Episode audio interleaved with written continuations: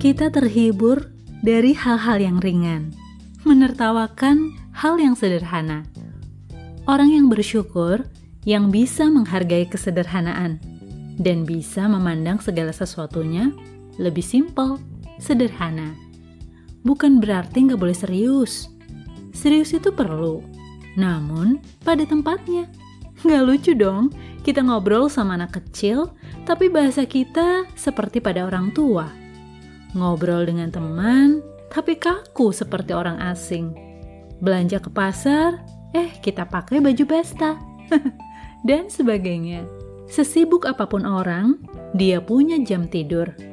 Semodis apa pun orang, dia punya baju rumah yang biasa aja. Be flexible and enjoy life. Hidup bukan tentang kita saja. We need to live in harmony dan menghormati sang pemberi dengan segala rancangannya yang terbaik.